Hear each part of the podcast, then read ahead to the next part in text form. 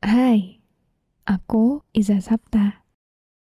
Selamat datang kembali di podcast Bincang Asa dan Rasa. Buat kamu yang mendengarkan ini, jangan lupa aktifkan lonceng notifikasi dan follow podcast Bincang Asa dan Rasa biar kamu gak ketinggalan episode selanjutnya. Terima kasih juga sudah berkenan mendengarkan episode ini. Aku harap di sini bisa membuatmu merasa pulang dan memiliki rumah. Meski kita tidak saling mengenal, semoga dengan adanya podcast ini, kamu gak ngerasa sendirian. Jadi, selamat mendengarkan.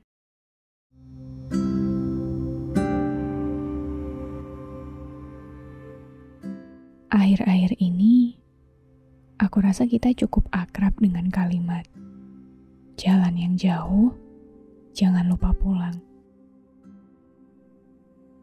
Rasanya kalimat sederhana itu cukup dalam ya. Tapi bagaimana jika tidak punya rumah? Bagaimana jika ternyata rumah yang bagi beberapa orang merujuk pada adanya kehadiran sebuah keluarga tidak dimiliki oleh beberapa orang di luar sana? Lalu bagaimana bagi mereka yang tidak punya rumah itu?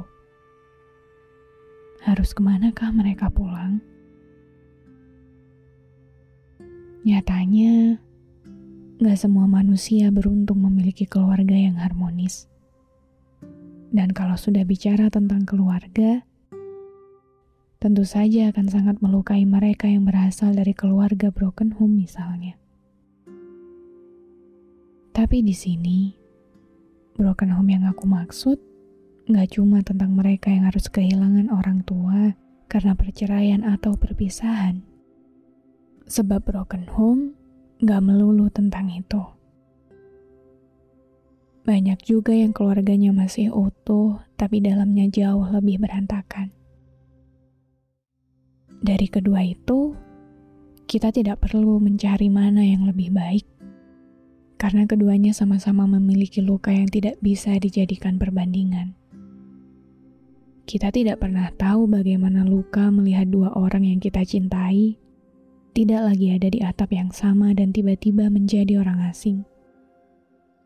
Tapi kita juga tidak pernah tahu bagaimana lukanya ketika harus tetap tinggal satu atap, tapi terus-menerus saling melukai. Jadi, yang terbaik ya, yang rumahnya harmonis, mau apa lagi? Pun dengan keadaan yang demikian, harus pulang ke mana? Maka untuk siapa pun yang kehilangan rumahnya, aku kirimkan beribu pelukan erat untuk segala luka yang kamu tanggung sendirian selama ini.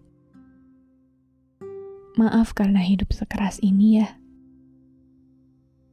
Tapi ketahuilah bahwa tidak semua orang sekuat kamu. Tidak semua anak mampu menanggung imbas dari egoisnya orang tua. Tapi lihatlah dirimu yang mungkin terlihat malang di matamu, yang mungkin nampak begitu menyedihkan bagimu. Lihatlah dia sekarang, lihatlah sekuat apa dia hingga saat ini.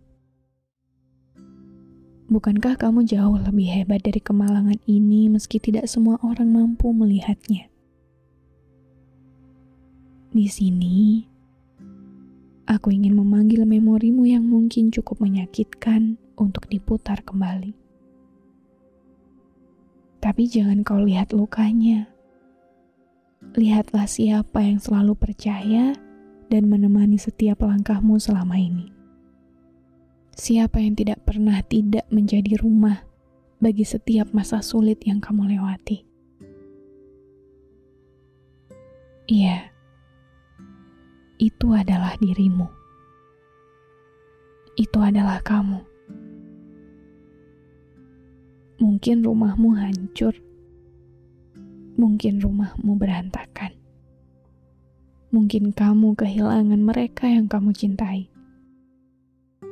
Tapi rumahmu yang sesungguhnya masih berdiri kuat sampai detik ini. Rumah itu adalah dirimu sendiri. Tidak perlu kau cari ke mana-mana, sebab tidak akan pernah ada rumah sekuat kamu. Tidak akan pernah ada rumah setabah dirimu.